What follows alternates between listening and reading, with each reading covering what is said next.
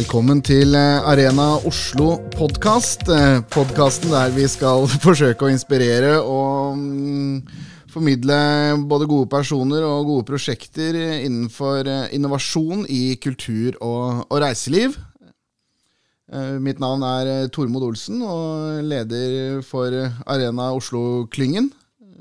Med meg har jeg eh, Roar Smelhus, eh, som er en av initiativtakerne bak eh, både podkasten og dette som en del av et prosjekt eh, for eh, høsten, hvor vi mm, skal jobbe for å øke innovasjonsevne og mm, eh, sette fokus på, på innovasjonskompetanse for, for oss i klyngen. Jeg møtte Roar eh, første gang eh, i forbindelse med solcelleprosjektet til, eh, til Miniøya. Og Roar har videre vært sentral i, som Arena Oslo-medlem i forbindelse med, med Mat til jord-prosjektet, som vi skulle få realisert vårt case på under Holmenkollen skifestival. Det ble dessverre ikke noe av det, men eh, heldigvis så har vi Roar med videre, som er en eh, utrolig kunnskapsrik person på, på både bærekraft og, og har en eh, tung bakgrunn også der fra eiendom, som er spennende å koble med, med kultur og reiseliv. Men du kan kanskje presentere deg selv litt, Roar? Ja, takk for det. Jeg heter Roar Smelhus. Jeg har jobbet mange år i byggenæringen. Og så, når jeg jobbet i byggenæringen, så fikk vi også kontakt med Øyafestivalen. Først var jeg jo deltaker i mange år, så tok jeg kontakt med Øyafestivalen Uh, og spurte om vi kunne få til et samarbeid med de, så vi jobbet sammen med de som rådgiver der i mange år. Uh, nå jobber jeg som rådgiver innenfor bærekraft, og har spesialisert meg på med bærekraftig forretningsmodellering. Da jobber jeg med, med næringsutvikling mot lavutslippssamfunnet, hvor innovasjon er helt vesentlig. Eh, Jeg tar også en ekstra skolering nå på urbanisme og by, og jobber da mot bærekraftig by og eiendom, hvor jeg også kobler kultur og næringsutvikling. Eh, Og da ser jeg også på, selvfølgelig, med den, den bakgrunn, eh, festivaler som en mulig testarena for de bærekraftige løsningene. Og det er jo litt det vi har gjort sammen tidligere, da, Tormod, gjennom de to prosjektene du nevner. Så Det er der jeg på en måte har litt eh, spisskompetanse, og også selvfølgelig mitt eh, nettverk, kanskje inn mot eh, eiendomsaktørene spesielt. Da, for der finnes det mange muligheter hvor du kobler kultur, turisme, byutvikling eiendomsutvikling. Så, så, så det er vel der jeg har, jeg har noe å bidra med her. Så da er eh, bordet dekket for eh, og, og godt grunnlag for at vi skal eh, klare å, å levere en, en bra podkast til dere denne høsten og, og tiden fremover. Og det blir mye spennende gjester. Det er bransjene både innenfor kultur, reiseliv og eiendomsutvikling. Er det mye bra personligheter som vi gleder oss til å, til å dele gode samtaler med dere.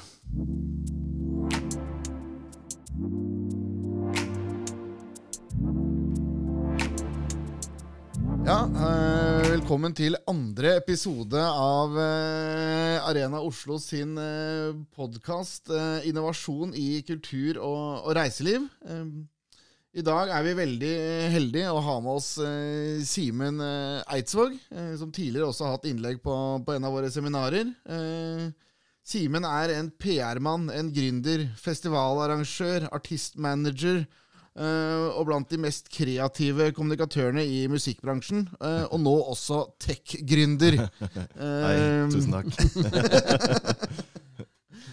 Så det er jo en, en, en deilig på en måte CV, og, og fint at du kan komme hit, så vi kan tappe litt inn i, inn i det hodet der. Veldig hyggelig å være her. Tusen takk. Vi skal prøve å holde oss for dere som hører på, skal vi prøve å holde oss på sånn ca. 30, 30 minutter. Eh, så vi skal prøve å holde oss litt til, til saken, og, og, litt av det som det, overskriften er, er innovasjon og, i, i kultur og, og reiseliv. Og Simen er jo da primært eh, representant for, for kultur, kulturlivet med sin bakgrunn. Eh, og, og litt sånn for å ta litt, sånn, eh, litt i historikken, da. eh, Jeg har jo kjent deg nå en stund gjennom flere sammenhenger, og, og kjenner deg også som en veldig kreativ person som kommer opp litt nye konsepter. Og kanskje den som, eh, som fikk mest oppmerksomhet, er jo Kaiser-viruset, som, som allerede har blitt sånn, i hvert fall i, i medie- og, og dekksammenheng, et, et, et gammelt prosjekt allerede. Selv om det absolutt hadde tålt tidens tann i, i dag også. Eh, som veldig kreativt eh, prosjekt. Eh, ja, Du kan jo si litt om det før vi, før vi går videre. Hvordan, eh, hvordan var prosessen rundt eh, den tankegangen der? For det er jo et veldig teknisk prosjekt, det også. Kaiservirus? Mm. Eh, ja, der var tanken holdt på å si, veldig enkel. Hvordan kan vi klare å spre musikken uten den tradisjonelle radiosingeren? For det var et album med Kaizers Orkestra som eh, var spilt inn med symfoniorkester, og låtene varte vel rundt sånn syv til ti minutter hver eneste låt. Men de hadde et utrolig dedikert og engasjert publikum. Så tenkte hvordan kan vi klare å spre musikken? Og det blir på en måte bare tilbake til problemstillingen. Altså, vi har laget virus. Eh, og da løste vi jo det rent teknisk. Helt i begynnelsen var det at man skulle liksom fysisk gå og dunke på hverandres telefoner eh, for å sende videre. Og så så vi at hei, det går an å gjøre det ved en slags distansegreie. Appen sugde jo batteri og alt sånt, da, men, eh, for den visste jo alltid hvor det var, og hvem som var i nærheten. Ehm, men så enkelt var det, og, og da eh, tok vi kontakt med et byrå som heter Notch, som også finnes i dag. Superflinke folk. Som, I det prosjektet så merket vi bare en positiv innstilling. Alle syntes det var kjempegøy og sto på døgnet rundt. Så er det sånne prosjekter som man kjempegøy å gjøre, og alle involverte var engasjerte. Og ja, reklamebyrå, produksjon, nei, altså utviklere og oss, da. Som var kjempegøy. Og da jobbet jeg Hes, da, som jeg ikke jobber lenger. Ikke sant? Eh, men det som eh, Litt for å ha sånn Det var utrolig kult, eh, kult case, men jeg har inntrykk også at eh, litt i den rammen vi er i nå Ikke noe forkleinelse for det caset, men jeg oppfatter litt på utsiden også nå, i hvert fall i, i dit vi har kommet nå, da, er jo at det, det blir litt sånn stunt for å løse akkurat den på en måte releasen av det type albumet i, i dette tilfellet. da. Eh, Klarte dere å ta ut noe varig innovasjon, eller ble det noe som man kan eh, måtte, Var det langsiktighet, noe forretningsutvikling, noe i det som man har tatt med videre? Eller var det sånn yes, gulløve og god stemning og champagne og, og over to the next case? Det siste. Men det lærte vi jo stort av da, da. Eller jeg i hvert fall her. Vi tok jo ikke med oss noe. Hadde jo minimal info om hver eneste som brukte den, men det var kjempemange som brukte, og vi kunne sikkert ha solgt eh, teknologien videre og masse sånn, men da vi var unge og naive kanskje, og bare ville ha den funksjonen at man kunne spre det på den måten. Ingen stilte de spørsmålene om vi skulle ta vare på det, eller om vi skulle konkretisere eller kommersialisere det, eller noe. Kunne kanskje kosta penger. Altså, alt mulig. Sånne ting. Eh, kan jeg godt si i dag dreit vi oss litt ut på. Ingenting som var der. Men det var fint å lære etterpå. Vi liksom så hvilke muligheter vi bare glapp med Ja. det, da. Ja, og så reflekterer det, Hvordan har det påvirket på en måte hvordan du har jobbet etter det, i forhold til sånn, la oss si, kalle det innovasjon versus kreativitet? da, For det er vel litt en sånn Det er et eksempel på at det ikke nødvendigvis er det, er det samme. Definitivt det på en måte syns ja, Kanskje er litt sånn rosenrød tanke. da, at det liksom, jeg er stolt av at jeg gjorde den på den måten også. At, liksom bare, at det bare handla om å få gjennomført en idé og gjøre noe gøy. Eh, og vi fikk oppmerksomhet. Financial Times skrev om det, og det var stort for oss på den måten. Og det var liksom litt jobben med den. Og noen ganger så kan jeg like sånne kampanjer og bare ikke bry seg om alt det andre. Men det er klart, skal man eh, ja, kjent med alderen og kommet videre, så vil man jo liksom bygge videre enn det. da, At det liksom mer enn håper å si, i hermetegn bare en kampanje hver gang. At man ser jo at hadde vi gjort den i dag, så tror jeg jeg hadde tenkt mye større på hvordan det kan virke videre, hvordan det kan brukes på andre artister eller konsepter eller uh, ting. For jeg, ja, jeg tror jo det er uh, Ja, jeg tror man kunne fått til mye mer enn vi gjorde kun for Kaizers Orkestra. Kanskje det er det som kalles inkrementell eh, innovasjon. altså At det er en, en enkel løsning, ikke veldig sånn dyptgående. Skal man liksom skape en business av det, så må man kanskje gå enda dypere i materien. Ja. Og se hvilket problem man på en måte løser, eller Mm. hvordan kan dette skaleres og den type ting. da. Ja. Så det er litt sånn forskjell på inkrementell kontra disruptive eh, innovasjon, f.eks. Ja. Og så er det jo i, i kulturnæringen, i hvert fall i musikkbransjen, som vi oppfatter, er jo at veldig mange artister som jeg vil si er fremoverlente og vil finne på nye ting og alt sånn, den lysten er nesten for mye der. Må finne på noe nytt. sånn at hvis Kaizers Orchestra det- Dette er bare rent hypotetisk, for det hadde gått til, noen andre. Eh, og Kaizers har gjort det fra før, så ville ikke de ha gjort det fordi noen andre har gjort det. Eh, som selvfølgelig kan, kan handle mye om hvordan vi presenterer det, og alt sånn, men det er en utfordring i musikkbransjen også at alle vil gjøre noe nytt, som jo i utgangspunktet er kjempebra. Men det hadde vært spennende for å bygge eh, noen konsepter eller businesser ut av ting som kommer opp, om folk hadde gått med på å gjøre samme ting som andre har gjort. Ja, for det er jo også litt den der kanskje som er både positivt og litt sånn eh, Litt rar mekanisme, i, i- ikke rar kanskje, men i, i musikkbransjen eller i kulturlivet da, så er det jo veldig mye sexy merkevarer.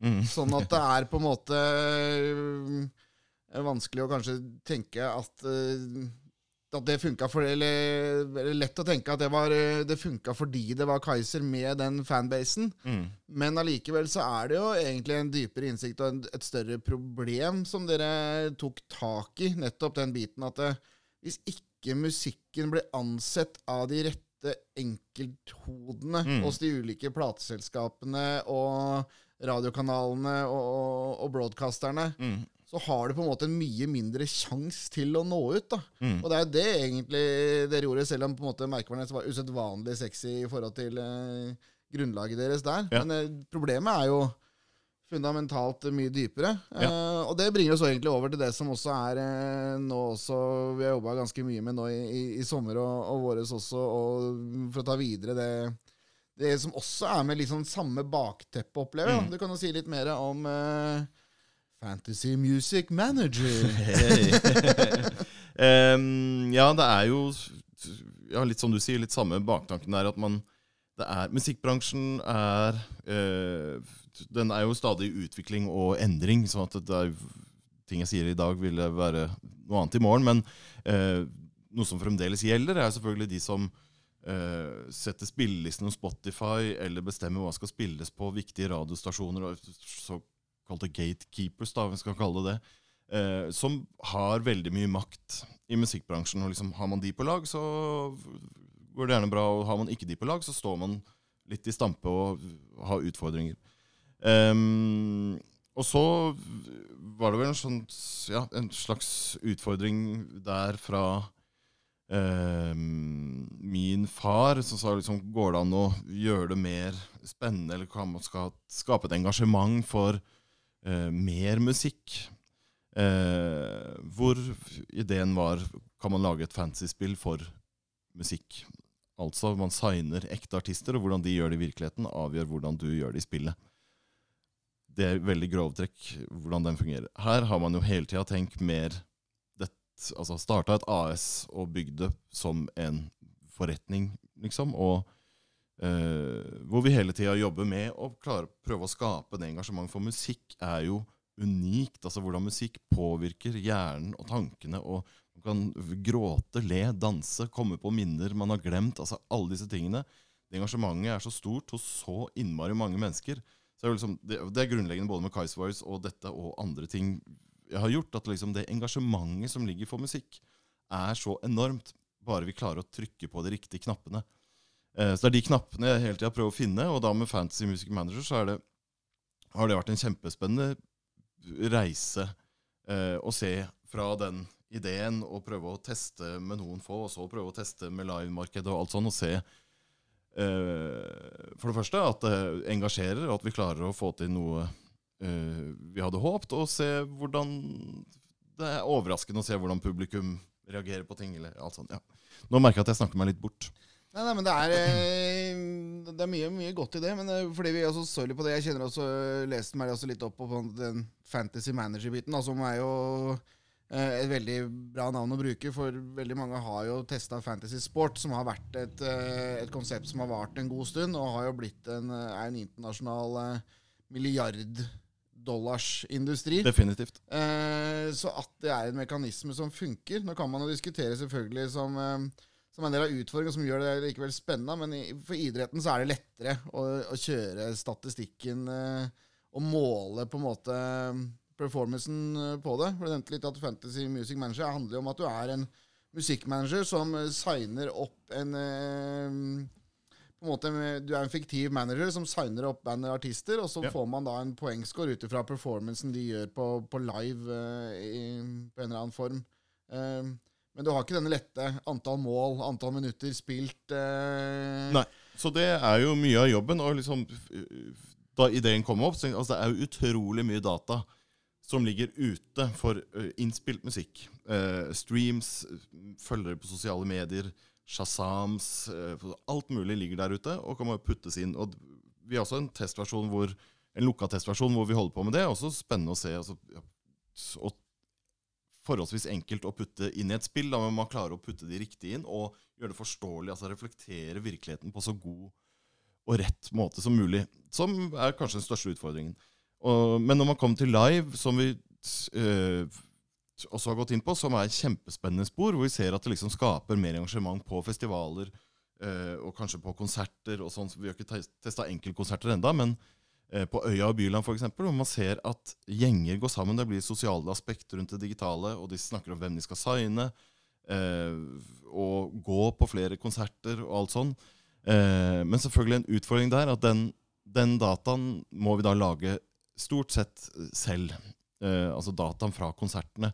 Eh, så der er vi jo med Arena Oslo og ser på klarer vi å lage en automatisert kulturindikator som kan gi score til dette spillet, som gjør både gjennomføring mye enklere og billigere, og eh, kanskje lettere forståelig. fordi at vi hadde da en, minst én person på hver eneste konsert på Bylarmøya som eh, er en kjempekoordinasjonsjobb. Eh, De som gjorde det, var mange frivillige, og også noen ganger journalister, som eh, Syns det var kjempegøy og kjempeenkelt. Vi har veldig enkelt system for å anmelde, og alt sånn, men man ser jo at det er ganske mye jobb, og det er en subjektiv mening til slutt. Vi har prøvd å gjøre det så lite subjektivt som mulig, at man liksom huker av på punkter som altså, Er det fullt, eller er det ikke fullt?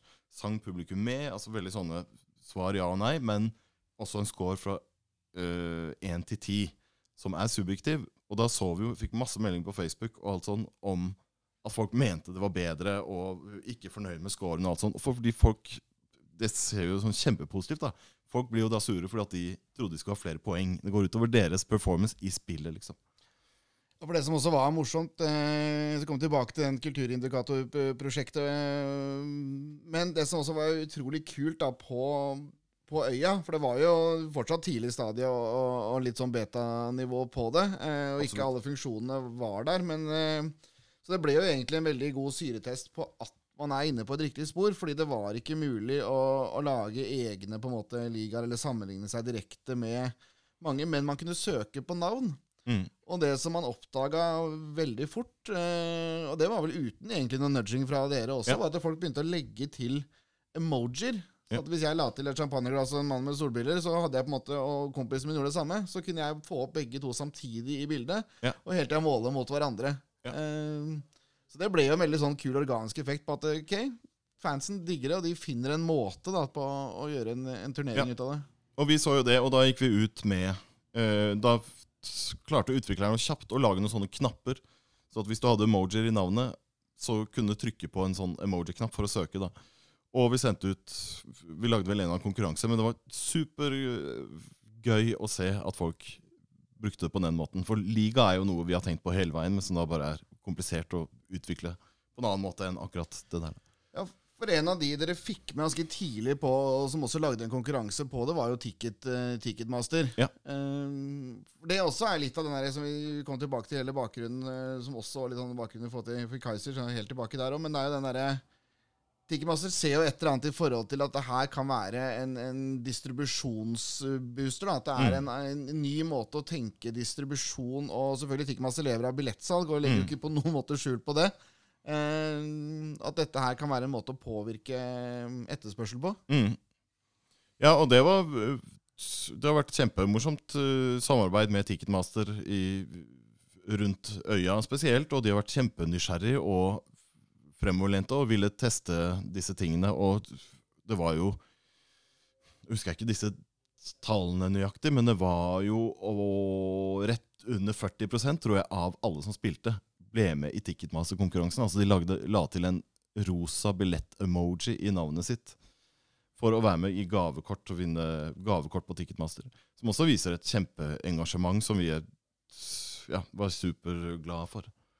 Ja, Det viser jo på en måte at folk er ikke redd for å, å gå med på kommersielle stunts inn i det heller. At de Nei. skjønner at det her er noen som Det ligger innsats bak, og da er man med. Ja. Um, Jeg har ikke, kjenner ikke dette så inngående som jeg skjønner Tormod eh, gjør. Men det, det som er interessant for, eh, for lytterne å få med seg, er jo liksom Dette er jo ganske stort, og her eh, kreves det ressurser. Det hører du at du har på UX, og du har med designere, og det er litt av hvert. Hvordan eh, finansierer dere eh, satsingen? Er det vært noe virkemiddelapparat inne her? eh, I hvilken fase, osv.? Ja, og vi, det her har jo vært en bratt læringskurve for meg, og jeg har jo øh, vært med å starte HES og sesong 1 og alt sånt som er, sesong, nei, som er um, konsulentselskaper, og man liksom da tenker ja, ok, å starte et, enda et AS og få det til å stå opp, det er ikke noe problem, øh, litt satt på spissen, men det er noe helt annet å starte et sånn her type selskap enn øh, et si konsulentselskap eller mindre selskap. Um, sånn at her har vært mange si, vonde telefoner og alt mulig for etter man har skjønt ting og alt. Men det etter å ha starta og kommet litt på veien, så skjønte jeg her må jeg uh, lære meg ting. Så jeg ringte rundt til folk jeg kjenner eller bekjente og alt sånt som har, er på en sånn reise, eller har vært på en sånn reise før. Og tok så mange kaffer og alt mulig, eh, og lærte veldig mye av det. Eh, og hva man bører og ikke skal gjøre, og alt sånn. Eh, så Og rundt i samme slengen så har vi fått med noen investorer. Eh, som er bra, som vi er selvfølgelig kjempeglad for. Vi har fått støtte fra Innovasjon Norge og eh, SkatteFUNN. Eh, og det, ja, nå holder vi på med Arena Oslo og se om det er mer der, men vi har ikke, kanskje ikke vært flinke nok til å se på alle slags muligheter som er. Eh, og samtidig så er det ikke så tydelig altså innenfor kultur eh, Bare spole litt tilbake, for vi var på første testen vi gjorde, var på Bylarm og hadde en kjempesuksess der. Eh, og da Å spole enda lenger tilbake Før Bylarm så gikk daværende kulturminister Trine Skei Grande ut i Dagens Næringsliv og skrev vi må få opp eh, norskandelen i norsk musikkindustri. Eh, og hvordan man skal få til det, og viktigheten av det, og bla, bla, bla. Eh, og det var også litt utgangspunkt for oss, å få opp bredden, få opp engasjementet. Og klart har man et spill, så kan man påvirke på sånn og sånn måte. Eh, og så hadde vi en kjempesuksessfull eh, betatest på pilot på Bylarm. Og så at vi klarte å skape et engasjement. Så skrev jeg et leserinnlegg i Dagens Næringsliv rettet mot hennes leserinnlegg, så vi i helgen nå fant vi en løsning. Eh, og da inviterte hun meg på kaffe, eh, som var kjempehyggelig. Da ble jo ikke kaffe med henne, men med tre rådgivere. Eh, som syns det er kjempespennende case, og bra gjennomført, og masse full av lovord. Men det er ikke kultur, det er næring. Eh, sånn at de hadde på en måte ingenting eh, Det var, et hyggelig møte, og så snakkes ikke vi igjen, på en måte. Eh, så har vi opplevd en støtte fra eh, support, altså som supportive i, i Music Norway og sånne ting, men det føles som om mange står der og ikke har helt mulighetene eh, Eller statutten, eller hva det heter, sånn at de kan bidra på sånne prosjekter. da. Eh, som vi syns er veldig synd. Så det ligger nok både hos at det er litt Det er i hvert fall litt tydelig om vi kan, hvor, vi kan, hvor vi hører hjemme hen. Eh, og ehm, samtidig så er vi også sikkert for dårlige til å se absolutt alle muligheter og lese alle ting. Jeg ser i hvert fall to ting som jeg kunne tenkt meg å spørre om eh, direkte der. sånn. Det er sånn Dere har kobla på investorer. Dere tenkte ikke litt om virkemiddelapparat først og fremst. Og investorer, da får du jo noen som begynner å bry seg inn i deres eh, på en måte forretningsutvikling. Det er en, en case, og så er det jo veldig spennende også å gå litt inn på dette med festivaler som testarena. ikke sant? For der Mm. er det, det har vi snakket mye om, det er jo viktig. Living Lab. eh, Living Lab, det er viktig for Arena Oslo også, Mm. og der ser jeg så innmari mye muligheter. Ja. Så kunne du tatt litt på de to spørsmålene. Ja, og med tanke på investorgreiene, så er det også noe som man lærer seg, som jo Man bør jo klare seg så lenge som mulig uten investorer, for å være attraktiv for investorer lenger ned på stien. Eh, så det er klart, vi fikk investor ganske tidlig, sånn at eh, det gir oss en flying start. Men samtidig så må vi da komme ganske langt på de pengene for å kunne forsvare en høyere verdivurdering på neste emisjon, da, sånn at man ikke blir for vanna ut på veien. Så det er klart, det er eh, en utfordring, og sånn hadde man ja, fått mer fra virkemiddelapparatet, så man, står man mye sterkere. Eh, om man har et bra produkt til slutt, så vil kanskje større investorer, proffe som driver med dette hele tiden, si nei, dere er for, rett og slett for vanna ut. Konseptet, alt er kjempebra, men det er ikke liv laga. Vi vil ikke inn her. Nei, for det er viktig med teamet, ikke sant? og at det er dedikerte de som driver dette videre. så Da er det viktig at det ikke blir vanna ut. Ja, At det da sitter en investor og bare sånn Ja, men jeg eier 51 Ja, ja. Dette skjer ikke, liksom. Så det er jo spennende også, da. Vi hadde jo en diskusjon og begynte å snakke med, med Simen dypere om uh, Fancy Music Manager også, for vi holdt jo på med, eller vi holder på med et big data-prosjekt, men som da var uh, egentlig gjorde ganske mye ut av det på, på Øyafestivalen, hvor vi annet da sammen med, med Høgskolen Kristiania og, og Teknologiinstituttet der eh, også tar ut sentimentanalyser fra, fra konsertene, eh, i tillegg til eh, et ganske komplekst eh, bevegelsesanalysesystem, både med, med beacons og med, med nå med supplert med teledata og alt mulig.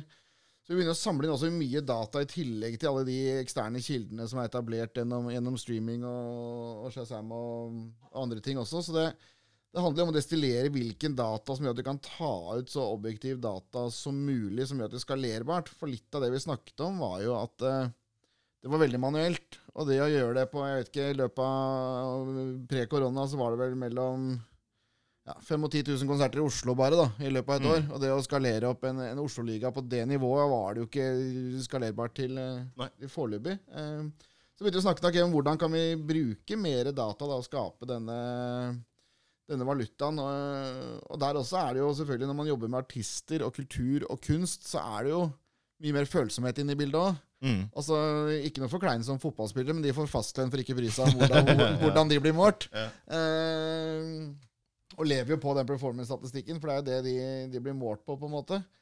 Eh, nå blir jo kulturen det også, men eh, for det har jo dere diskutert antageligvis en del eh, internt på hvordan måle uten å tråkke noen på tærne, eller det er ulike dynamikker på hva man kan måle for å få det ut. Eh, vi er veldig opptatt av å være eh, på musikkens lag, eh, og, og vi skal jo løfte opp musikken og løfte fram og skape engasjement og alt sånn, eh, uten å tråkke på eller henge ut eller alt sånt. Vi diskuterte veldig mye på eh, Bylarm og Øya, fordi, ja, som jeg nevnte, hvordan det fungerte, så til slutt så kommer det jo da forslag til en tekst ut ifra hva du har som anmelder har lagt inn, og en forslag til tekst. Disse tekstene nøye overveien ikke skal kunne være eh, noe mobbing eller sånne ting som da vil bare eh, bomme fullstendig, da, tenkte vi. Eller overskrifter som de tabloide avisene har, som får klikk og alt sånt, det må vi på en måte holde oss unna. Eh, og en score tenker jo, det Selvfølgelig kan det være negativt, du kommer for kjempedårlig anmeldelse, eller score i spillet, da, men hvis man da, som jeg sa, anmeldelse eh, Jeg har aldri som en PR-person for en artist stoppa en avis i døra på en konsert. Vi vil ha omtale. Så er det opp til artisten på scenen til å levere. Eh, for det verste som skjer, er om ingen bryr seg. Eh, sånn at vi hadde uh, Det var noen som kommenterte det for første gang på Bylarm. Eh, at de ikke ville at deres konsert skulle Dette var en, ikke en artist, altså. Eh, som ikke ville at eh, artistene skulle være med der fordi at det hørte ikke hjemme Eller kunne få en dårlig anmeldelse.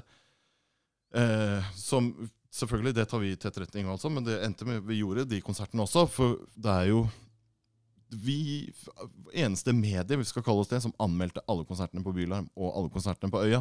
Eh, og det som, hvis jeg skal ta på PR-mann-hatten, så er jeg bare glad for det. Og vi så på Bylarm og Øya. Artistene tok screenshot av konsertene og delte det i sine kanaler. De ville omtale. Selvfølgelig deler ikke da dårlige anmeldelser, men det er bedre å få eh, omtale enn å ikke få omtale.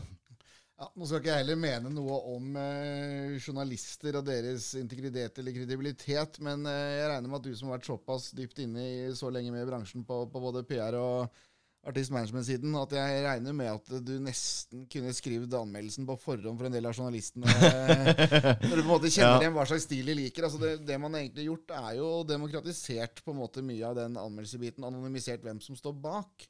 For det Mm. dere gjør, for å, for å skryte litt av det jeg syns er kult med det også, er jo at eh, dere tar bort eh, merkenavn og identitet til den som anmelder. Mm. Og legger bare fokus på performancen eh, og artisten. Mm. Eh, er det noen bevisste valg på at det ikke er noen navn bak eh, de som anmelder ulike ting? Eller ambassadører, eller den biten der? Ja, Vi har diskutert det masse, og det er klart vi har På Øya så sto det et nummer eh, på anmelderen. Så at eh, alle anmelder Det sto på en måte nederst sånn 'Dette anmeldernummer', bla, bla, bla. Mm. Eh, så at alle Det gikk an å se Ok, anmelder to anmeldte den og den. Om noen gjorde det, det vet jeg ikke. Og det sto ikke hvilken anmelder som skulle anmelde konsert heller. Så var det bare sånn Sånn at vi kunne vite ja, og se alt mulig. Eh, og det er ikke sikkert at det skal være sånn fremtid. Eller fremtiden ser vi jo for at dette går automatisert. Eh, men vi var også veldig opptatt av å brife anmelder om at hvis det er helt sykt bra stemning, og du ser på publikum rundt deg at det er kjempebra, men du personlig ikke liker musikken eller har et eller annet sånt, enten altså, meld fra at du må ha hjelp, eller eh, få med deg noen, eller ikke gå på konserten, eller gi noen hakk opp, eller et hakk opp, i hvert fall, ut ifra hva du egentlig selv Og da kan vi også komme litt inn på, for vi begynner å nærme oss. Det er, jeg syns det er utrolig gøy å prate med. Jeg kunne gjort det i mange timer, og det gjør vi jo, gjør vi for så vidt òg. Men eh, jeg ser på noe som det som var eh, kult når vi begynte å snakke litt mer konkret om hva, hvordan Arena Oslo kunne bli et verktøy. Fordi det som var eh, bra timing for meg når vi begynte å snakke ordentlig om det, var jo at du Ting var kommet et godt stykke. Du hadde kjenner markedet, kjenner på en måte mye av energien der, og, men også definert ganske tydelig hvilke utfordringer dere hadde da, for å ta det til det neste steget. Eh, og da kom vi på en måte jeg inn på et veldig godt tidspunkt hvor vi egentlig begynte å diskutere hvilke miljøer trenger FMM for å bli det det kan bli, på en måte. mm. Eh, og da var vi også tidlig med, med Høgskolen Kristiania også. Vi diskuterte det altså før, før øya, men da rakk vi jo ikke å, å koble den dataen inn på det datasettene vi hadde, for Mm. å kunne sette det sammen. For det er jo en, det er en annen diskusjon i forhold til den kompatibiliteten og muligheten til å trekke ut data. Mm. Uh, som for så det er viktig i den sammenhengen. Men da handla det om ok, hvem er det vi trenger, hvilke miljøer, hvem er det vi trenger å ha med. Og jeg mener jo, føler at vi ganske, på ganske kort tid fikk til et ganske sterkt lag av de som var villige til å bli med. Vi ramma det inn i en Vi Mm. har jo rammet det inn i en forskningsråd-søknad. Søknad. Men kan du si litt om hvordan du opplevde den siden av prosessen i forhold til å måte velge lag, og den eh, prosessen vi har vært i i forbindelse med Forskningsrådet? Eh, jeg har opplevd det som veldig bra og inspirerende og bra for vårt prosjekt. da. Eh, eller med din, ditt engasjement, Tormod, og alt sånn i dette som Mye av dette virkemiddelapparatet og FoU og alt sånn er jeg og vi for dårlig på. Og hvor man ser eller lærer nå, som du har liksom dratt oss litt inn i det, at liksom, hei, det er jo bare å ta en kaffe med folk eh, i, i disse institusjonene. Heter det institusjoner? Ja. Eh, eh, hvor det er så mange supre folk, og ja, bare runden med Arkitekthøgskolen før sommerferien nå, som er så utrolig gøy å bare få noen studenter til å bryte dette fra hverandre og sette sammen igjen. Eh, og alt man lærer rundt å, konkretisere ting som denne kulturindikatoren som vi holder på med, eh, og prosessen med søknadsskriving og hva man tenker på, alt sånt, veldig lærerikt og bra for uh, min utvikling og bra for utviklingen av Fancy Music Manager. Vil jeg si. Klare indikatoren, for det sa du i stad du skulle si Ja, litt altså så Indikatoren er handler jo egentlig da om å, å, å få tak i all den dataen vi kan, eh, og samtidig bruke og få den dataen For data er jo, for å sitere en som også har begynt å jobbe mer og mer med nå i, i, i Cisco, eh, Bjørn Andreas der, som eh, sammenligner egentlig data med, med råolje. Det er helt ubrukelig i, i den formen, men det er hva du gjør med den etterpå, som Ja. uh, gjør om det her blir, uh, blir noe man kan uh, få nytte av. Og det er jo litt av den kulturindikatoren. handler jo om å identifisere riktig data, med dataen i sin kjerne, og med kloke hoder fra næringen, som også da, i forhold til den anvendelsen og aksepten og adopteringen av det, er jo å finne da en nøytral målemåte for å rett og slett sette en score på en kulturell opplevelse. Som er litt sånn fifi i forhold til kunstbiten.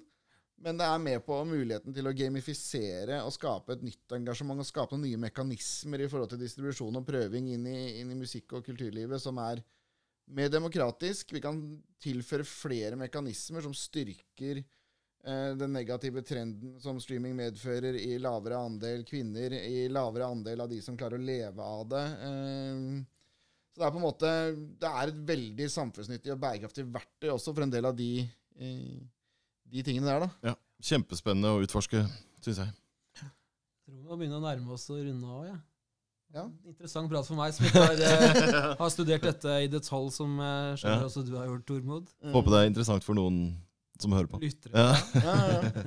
Men sånn i uh, forhold til, da, for det, det blir jo veldig retorisk og, og litt sånn uh, lagt opp for Smash uh, fra min side, men eh, hvordan opplever du på en måte i forhold til den derre når jeg ringte deg i, i litt sånn en måned uti koronaen, så hadde du lagt FMM litt på is, eller begynt å tenke litt streaming og sånn, men så vekka vi litt liv i det, og for jeg identifiserte deg som en av de som hadde energi og en idé som var universell, uavhengig av eh, Mm.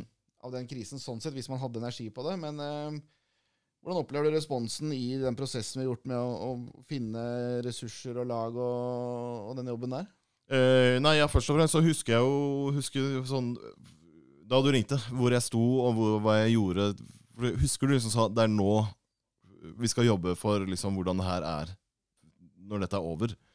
Eh, det er nå vi liksom må ikke legge oss ned. Eh, så du- det husker jeg godt, og tenkte sånn Tormod har helt rett. Nå skal vi liksom bare brette opp erma og stå på. Um, og så tilbakemeldingen fra disse, dette nettverket eller disse personene er jo kjempepositiv. Alle er nysgjerrig og interessert og Ja, så jeg opplever det veldig positivt. Hvis det var svaret. Ja. Ja, ja. Veldig bra. Ja, det var jo egentlig en naturlig og fin avslutning for, for vår del her. Men eh, helt avslutningsvis, som vi, har, eh, som vi spør alle våre podkastgjester om, om det er på en måte i en sånn innovasjonsløp eh, eh, prosess, eh, oppstart, er, det tre, er det tre takeaways, key learnings, som du klarer å, å plukke ut fra de, som andre kan ta med seg på veien? Uh, uh, uh, ja, sette seg nøye inn i hvordan man setter sammen et skalerbart selskap.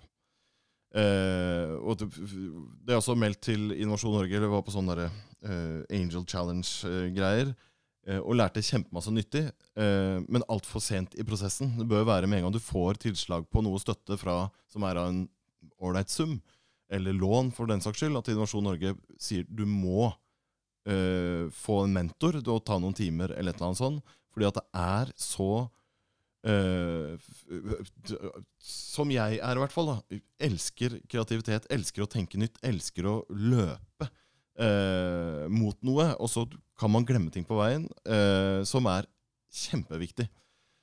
Så sette seg inn i hvordan det funker. To, ta møter, treff folk, prat med folk som har gjort det samme, som kan være nyttig, som du ikke nødvendigvis kjenner. Prøv- Vær mye mer aktiv. Jeg var det blant de jeg kjenner, men jeg skulle gått i eh, Høgskolen Kristiania, Arkitekthøgskolen, alt sånn mye tidligere enn jeg gjorde. Tre um, Pass på å ha det gøy. Uh, ikke vær redd for dårlige dager. Uh, eller ikke la deg knekke av dårlige dager. Eh, nyt oppturene, og lev med nedturene. Det er jo egentlig en veldig god avslutning på det. Fordi det er opp- og nedtur, og det er ikke noen tvil om at det fortsatt kommer til å gå litt ned for mange nå før det kommer til å gå opp igjen. Så Definitivt, det er viktig å, ja. å ta med seg. Preben var jo litt inne på det, han også. At det er jo det er tøft å være gründer. Det skal det på en måte være også. Ja. Du må ha, ha det der gutsen til å drive det der igjennom, og det er ikke for alle. Nei. Og så tror jeg liksom Min far, da, som er artist og lever jo av å være kreativ, han også. Det har vært veldig fin sånn støtte med akkurat det. Når jeg liksom kjenner på sånn der Shit, det her er jo er ikke noe god idé. Uh, alt er drit, liksom. Så sånn, Det er helt naturlig at du tenker. Hadde du ikke tenkt det, så hadde jeg vært livredd, for da er du ute å kjøre. For du skal ha dårlige dager. Du skal tenke eh, at, det er, at det er vanskelig, og at det kanskje er en dårlig idé, fordi at det får gjøre deg skjerpa og enda bedre. Ja, eh, Det er eh, fin avrunding, det. Og du har nevnt faren din et par ganger i, i podkasten. Og jeg skal ikke avsløre hvem det er, men tusen takk til deg, Simen Eidsvåg. Takk skal du ha. Veldig hyggelig.